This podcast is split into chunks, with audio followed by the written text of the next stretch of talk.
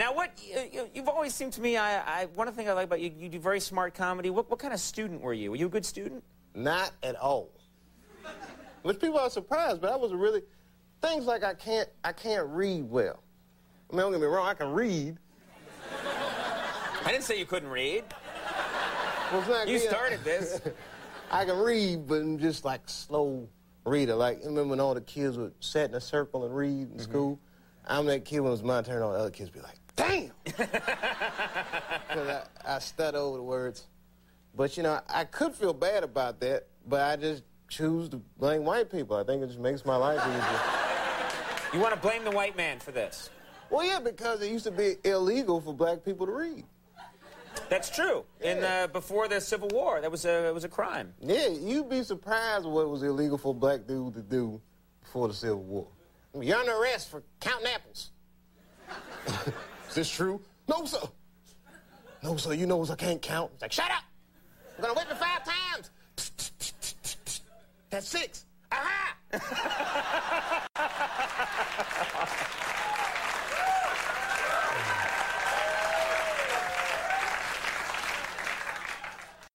Ten years ago, Brian Ortega was given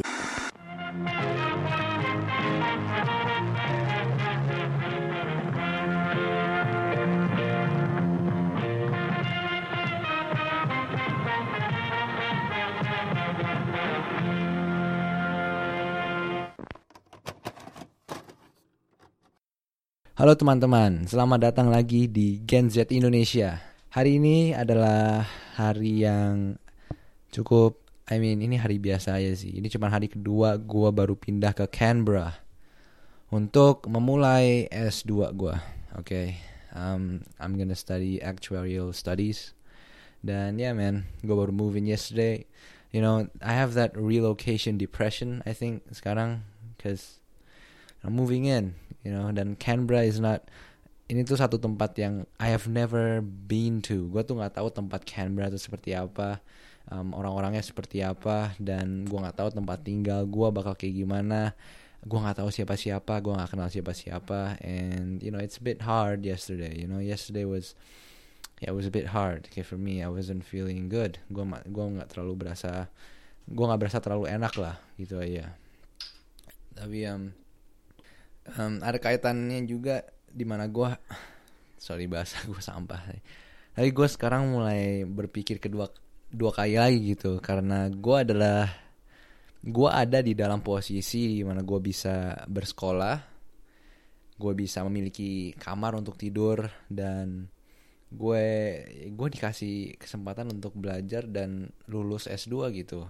Which is something that not a lot of people have the opportunity to do dan maksud gue itu adalah ya orang-orang Indonesia gitu yang nggak bisa sekolah di luar negeri juga pasti melihat ke gue dan kayak gila tuh orang enak banget sih. Dan gue harus gue harus sadar gitu kayak gue ada di posisi yang sebenarnya cukup beruntung and I have to be grateful for that. Dan gue jadi keinget gitu sama buku yang gue baru baca kemarin The Narrative of the Life of Frederick Douglass yang bukunya menceritakan tentang seorang budak di tahun 1800-an si Frederick Douglass ini dan di bagaimana sedihnya dan brutalnya kehidupan pada masa lalu untuk para budak ini. Dia tuh di di treat hampir seperti binatang gitu. Matanya ditendang lah. I mean explicit shit. Dan working hoursnya juga gila gitu. Dan sengaja gitu orang-orang putih ini yang menjadi master mereka tuh mempergunakan uh, setiap kesempatan uh, di mana pokoknya setiap kesempatannya kecil gitu kalau mereka ngeliat oke okay, gue bisa menghukum dia. Orang-orang putihnya bakal ngambil aja kayak oh iya lu agak lambat dikit cepetan dikit dong. Langsung dicambuk atau di gimana. I mean it's some dark shit that ini adalah hal-hal gelap yang membuat gue berpikir kayak you know I should be thankful. Kayak ini gue juga harus beruntung gue harus merasa beruntung dan merasa bersyukur juga lah karena gue lahir di uh, di era seperti ini di mana apa-apa gampang dan ya yang lumayan bercukup ber bercukupan juga lah. So I'm I'm really happy with that you know. Jadi yeah but again kayak as I said you know I don't know anyone I don't know anything about this place. Kayak everything is so foreign. Semuanya sebenarnya benar-benar asing gitu. Uh, every, really everything everything is really um, foreign. Gua harap besok-besok kayak kalau gua ke acara-acara atau gua mulai masuk kelas I can um, I can start like meeting people and stuff like that you know. I mean it's only been two days kan baru dua hari. And you know I've I'm I'm trying to maintain that positive outlook gara-gara I'm having these thoughts kan. Ini kan pikiran-pikiran negatif. Ya mungkin benar gitu. It can teach us something. Ini bisa mengajarkan kita kayak oke okay, maybe I should go out more. But kalau lu membiarkan pikiran-pikiran negatif itu terlalu mendikte hidup lu uh, lu jadi nggak mau keluar sama sekali gitu kan. Gara-gara gue bener-bener I think it's that fear of the unknown. Orang-orang tuh manusia tuh takut sama um, hal-hal yang mereka nggak tahuin yang mereka nggak mengerti. Dan gue nggak mengerti kota Canberra jadi pas kemarin gue cekin gue rasanya gue pengen kayak diem doang di kamar gue nggak mau ke mana-mana. And it's hard man it it really is um, one extra thing mumpung gue lagi kepikiran adalah tentang yang buku The Narrative of the of the Life of Frederick Douglass yang gue baca itu adalah um, ada satu hal yang benar-benar inspirasi gue gitu you know um, dan ini adalah kemauan dia untuk belajar membaca. Kenapa ini benar-benar menginspirasi gue? Ini benar-benar menginspirasi gue karena pada zaman dahulu itu tuh orang-orang putih memiliki kepercayaan bahwa lebih baik orang-orang hitam ini tuh tidak memiliki pengetahuan atau understanding terhadap ide-ide yang agak kompleks itu. Dan ide-ide baik ini, ide-ide kompleks ini tuh biasa ada di buku-buku maka agar akses orang-orang hitam ke informasi di buku-buku ini nggak ada, ya orang-orang putih benar-benar bilang kayak oh orang hitam tuh nggak boleh membaca karena itu ilegal. Singkat gue gitu, dibikin ilegal gitu orang itu untuk membaca. Karena mereka mau memperlakukan orang hitam ini tuh seperti seperti binatang gitu, seperti pekerja doang yang melakukan hal-hal ini gitu, yang nggak yang nggak bisa berpikir, yang nggak bisa um, yang nggak bisa berpikir, pokoknya tahtanya harus di bawah orang-orang putih. And di bukunya menceritakan bagaimana dan dan lu harus take note kalau buku ini Frederick Douglass sendiri yang menulisnya. Nah, Frederick Douglass sendiri yang menulis perjalanan dia, gimana dia belajar membaca buku. Di mana dia ngumpet-ngumpet membaca buku bosnya anak bosnya lah. Dan bagaimana kalau misalnya dia disuruh beli barang di pasar um, dia biasa bakal pergi buru-buru beli dan ketemu sama anak-anak kecil putih lainnya gitu. Gara ini pas dia masih anak kecil kan anak-anak kecil putih lainnya yang bisa membaca. Dan si Frederick Douglass ini bakal ngedengerin itu bakal belajar membaca dari sana. Dan setelah berapa menit balik lagi. And dia gitu-gitu terus yang akhirnya dia bisa menulis bukunya sendiri. Dan itu harus membuat lo berpikir oke? Okay? kita sendiri aja yang udah bisa membaca aja um, overlook that ability. Kita nggak pakai untuk membaca buku. Justru banyaknya orang yang membaca buku di Indonesia tuh adalah salah satu yang paling rendah.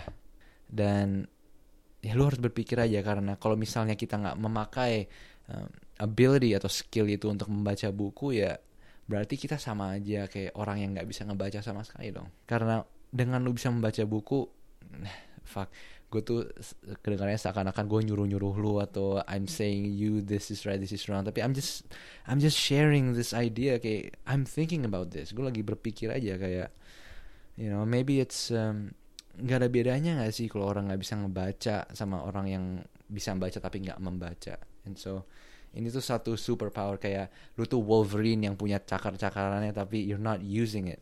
kayak it's something that can make you a great person. Dan gue jadi keinget lagi buku yang gue sekarang lagi baca, Stillness is the Key, yang ditulis oleh Ryan Holiday.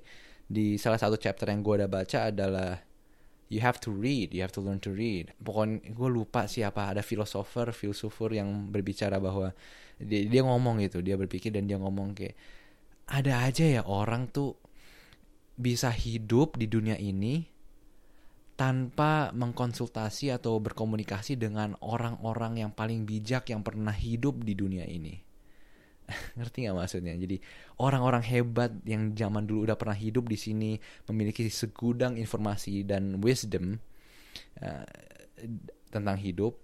Kita memiliki akses atau memiliki ability, skill untuk mengakses semua informasi itu nggak kita pakai, nggak kita kita nggak memiliki rasa ingin tahu untuk belajar dari orang-orang hebat ini.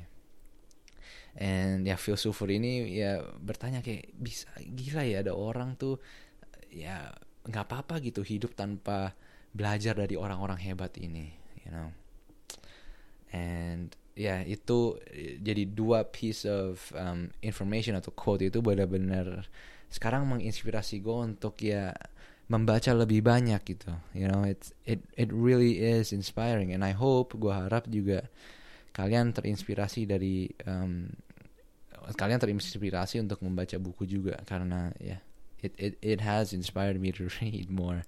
Um, so yeah, jadi The Narrative of the Life of Frederick Douglass itu adalah it's a great fucking book. Ini bukunya hebat banget. I don't wanna go into detail gara-gara lu pasti bosen ngedengerin gua menjelaskan buku ini. Uh, gua I think I'm gonna do it in I'm gonna do an injustice. Is that how you say it? I'm not gonna do the book. It's justice lah basically. Gara-gara it's a great book and gua gak mau I don't wanna butcher it. Cuman berhubungan dengan cerita yang si versi si Frederick Douglass kecil ini yang dia belajar membaca buku dari anak-anak orang putih yang lainnya ini ada satu satu piece of information ada satu informasi lagi yang membuat gue berpikir atau membuat ya berpikir dalam gitu yang membuat gue berpikir dalam. Dan itu adalah um, si Frederick Douglass ini cerita kayak anjir I wish I can be you dia cerita ini ke orang-orang putihnya kayak I wish I can be you. Um, gue sekarang masih umur 10-11 tahun dan gue akan menjadi budak selamanya. And anak-anak orang putih ini masih ya mereka bersimpati kayak oh man that sucks. Tapi kayak what can I do? And it's just the way it, it's just the way it was back then. Gak dunia masa lalu emang seperti itu. And ya ini satu kayak poin plus kali yang buat gue harus bersyukur juga kayak I'm living in a context where everything is very um, apa ya dunia sekarang makin lama makin progresif kan? Makin lama makin progresif um, lebih banyak apa ya yeah, lebih lebih progresif gitu. Tapi zaman dulu kan benar-benar banyak banget racism gitu segala. So you have to be apa ya it makes you think tau gak hal-hal seperti ini yang diceritakan di buku tuh benar-benar membuat gue berpikir jadi it's one of the beauty beautiful things about reading a book. You think, you get to think, you contemplate, you meditate upon these ideas. Ide-ide ini lu meditasikan, lu pikirkan, and it's just it's a great activity. It's like talking atau ya yeah, it's like talking. Ini kayak lu ngobrol dengan uh, salah satu tokoh paling hebat di dunia, you know, and it's and it's a great it's a great feeling, you know. So um yeah that's that and okay, balik ke stillness is the key okay. yeah, stillness is the key itu adalah buku yang gue sekarang lagi baca and it's an interesting book gue baru di bagian pertamanya di mana dia masih membicarakan oke okay, maybe you have to lu harus menjauhkan diri lu dari suara-suara dunia lu harus coba mencari kediaman dan ketenangan. Uh, lu harus coba bermeditasi dan lu harus coba um, seperti gue bilang membaca buku dan it's about calming the mind. Jadi so far gue lagi membaca bukunya di mana si Ryan Holiday nge-suggest kalau we should calm our minds down untuk nge-reach stillness gara-gara stillness is a state. Ini satu state di mana we can perform at our best. Penulis-penulis paling hebat di dunia memerlukan kediaman untuk bisa menulis. Kalau orang yang apa dia dikasih contoh dia ngasih contoh juga. Pemanah yang paling hebat juga diajarin untuk lu jangan memikirkan tentang um, lu harus kontrol panah ini tuh sampai ke bullseye ke ke ke bagian tengahnya. Lu harus let go. You have to let go and just trust the trust the process trust everything that's beyond. Okay just lu harus mencari state that still that stillness state di mana lu bisa just fucking get to that silence and just do it without anything. Kayak lu bener-bener, it's kind of like an ego death. Lu gak memikirkan kalau ada subjek yang melakukan hal tersebut. Jadi lu gak memikirkan kalau lu sudah mengkontrol arahnya, tapi lu nge-let go. Lu satu dengan alam semesta. You know, you're one with the universe. You're one with the divine. And stillness is that state, I think. Stillness is that state. And you know bukunya it's a well written book. I'm hooked. Tau gak gue bener um, gue bener it's it's a great book. I'm really hooked in that book. Jadi that's like another book recommendation if you want to check that out. Uh, stillness is the key. Ya itu menginspirasi gue untuk meditasi lagi gitu. I want to start meditate. Something that I want to do.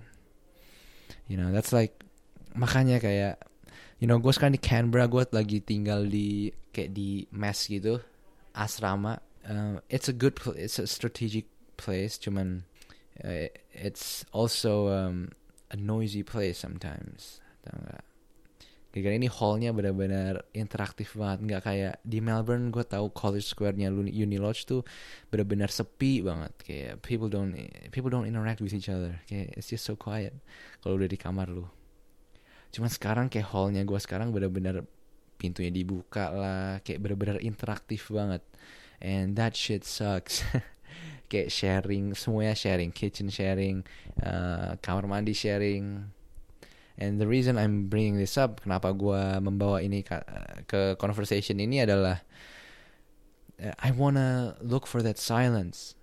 I wanna look for kayak gue mau mencari tempat di mana gue bisa mencari apa ketenangan gitu. Gue setelah belajar setelah nge-gym gue bisa balik ke HQ gue ke tempat gue ke tempat tinggal gue sendiri. Dan ya masak kalau masak ya masak sendiri makan sendiri dan just be with myself tau gak gue gue nggak musingin yang lain-lain kebanyakan. Gue bisa uh, mendapatkan ketenangan. And you know it's something that I'm still trying to work out. You know I'm still trying to work this shit out. Kayak baru dua hari I'm gonna get used to it. But yeah for now okay it's like one bummer. Tapi again fuck gue harus bersyukur gue harus bersyukur you know. Satu hal lagi yang diomongin sama Ryan Holiday di bukunya yang gue sempat baca which is quite interesting adalah he talked about confidence. And dia memulai penjelasan dia dengan cerita uh, Goliat dan Daud. Jadi ini satu cerita Kristen oke. Okay? Daud adalah seorang uh, gembala apa gembala domba gitu. Dia yang uh, aturin domba-domba misalnya yang disuruh apa jalanin keluar dari kandangnya atau balik lagi gitu. It's it's his job. Dan pada saat itu ada satu penantang di kotanya tuh kayaknya fuck. Ini gue ketahuan gue tuh nggak merhatiin di sekolah minggu anjir. Tapi ya pokoknya ada satu orang besar gue lihat dia menantang kotanya. Dia bersama pasukannya menantang kotanya. Um, dan gue lihat ini satu orang raksasa basically. Dia adalah seorang raksasa yang ingin ngajak berantem atau gimana. Pokoknya dia tuh sangat besar sangat seram sampai-sampai raja kotanya Daud ini tuh nggak nggak berani melawan si Goliat ini. Maka si Daud seorang gembala doang bilang gue berani kurus kayak krempeng nggak memiliki otot.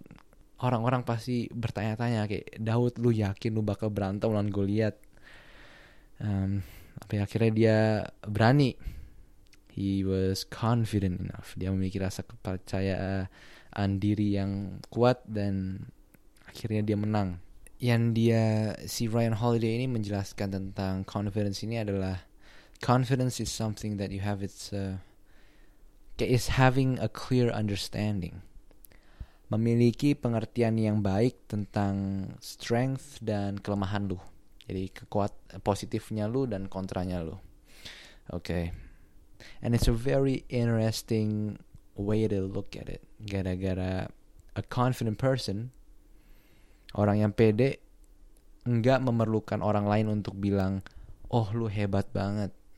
Atau orang lain anjir kok lu payah banget sih?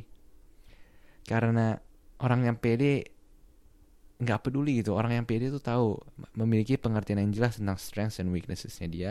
Kalau ada orang yang bilang anjir kok lu payah banget sampah lu gini segala dia bakal nge-ignore kalau misalnya itu nggak bener. Karena dia memiliki pengertian yang baik gitu. Eh, kalau misalnya tapi obviously dia sendiri juga harus uh, he has to be honest kalau misalnya kritiknya uh, benar he has to accept it. Tapi kalau enggak he's gonna ignore it. Dia bakal melupakannya. Dan kalau misalnya ada orang yang memuji dia sangat-sangat tinggi um, dia juga nggak bakal terlalu ngedengerin karena dia nggak butuh validasi itu. Karena dia ngerti kalau dia hebat misalnya he can do it dan dia nggak memerlukan validasi orang lain. And that's what confidence is. And I think it's a very interesting definition. Ini definisi yang interesting yang yang gua nggak pernah dengar sebelumnya it's an interesting take on confidence gara kebanyakan orang kayak kalau confidence muncul di kepalanya bakal bilang oh itu Conor McGregor yang selalu talk shit gini-gini segala. Padahal orang-orang confidence tuh mungkin orang-orang yang diem gitu. Di mana kalau mereka lagi di dalam situasi sulit bakal tenang dan di situasi yang di mana mereka menang hebat dia bakal tenang juga. Mereka bakal tetap clear headed enough untuk sadar kalau you know it's it's actually like I'm confident. I'm not as bad as they say, but I'm not as good as they say as well.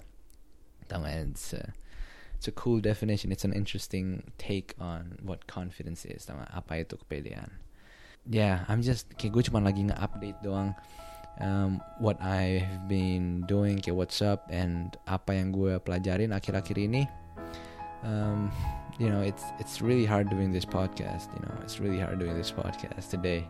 I'm not in the mood of doing anything cuman I kayak gue mau mulai melakukan hal-hal produktif lagi and hopefully besok I can do more productive things man um, the next week is gonna be a better one I hope you know because you know it's it's it's a tough moving it's the it's pretty tough for me right now you know tapi yeah it's cool though it's it, it really is cool uh, I I'm, I'm pretty optimistic. I have that optimism sih untuk masa depannya. That's the thing man, kayak those thoughts man, kayak pikiran-pikiran yang ada di dalam kepala lu tuh wanna bring you down, wanna kayak mau ngebawa lu turun, mau ngejelek-jelekin lu. Itu tuh kayak kritik pribadinya lu. Cuman lu harus sadar gitu, oke. Okay, ini toxic. Pikiran-pikiran ini toxic. Walaupun ada benarnya tapi kalau kebanyakan lu harus sadar kalau oke okay, this is getting worse. Ini lumayan toxic. And start to think positively. Yeah man I think that's it. Gue gak mau memperpanjang apa yang udah gue omongin. And terima kasih kalau lu udah mendengarkan episode kali ini. Um, follow this podcast subscribe and yeah man I will see you in the next episode. So peace